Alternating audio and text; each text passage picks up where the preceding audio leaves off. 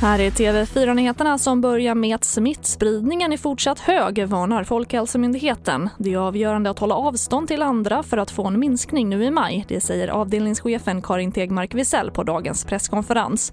Och idag rapporterades 19 nya dödsfall med bekräftad covid-19 vilket innebär att totalt 13 882 smittade avlidit i landet.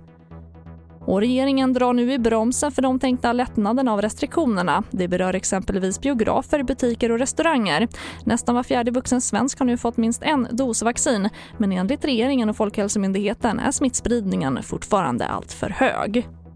Och intresset för hemester är fortsatt stort i år. Det här har bland annat Göta kanal märkt av som i år slår bokningsrekord och ökar med över 1000 procent när det kommer till sålda kanalbiljetter för fritidsbåtar.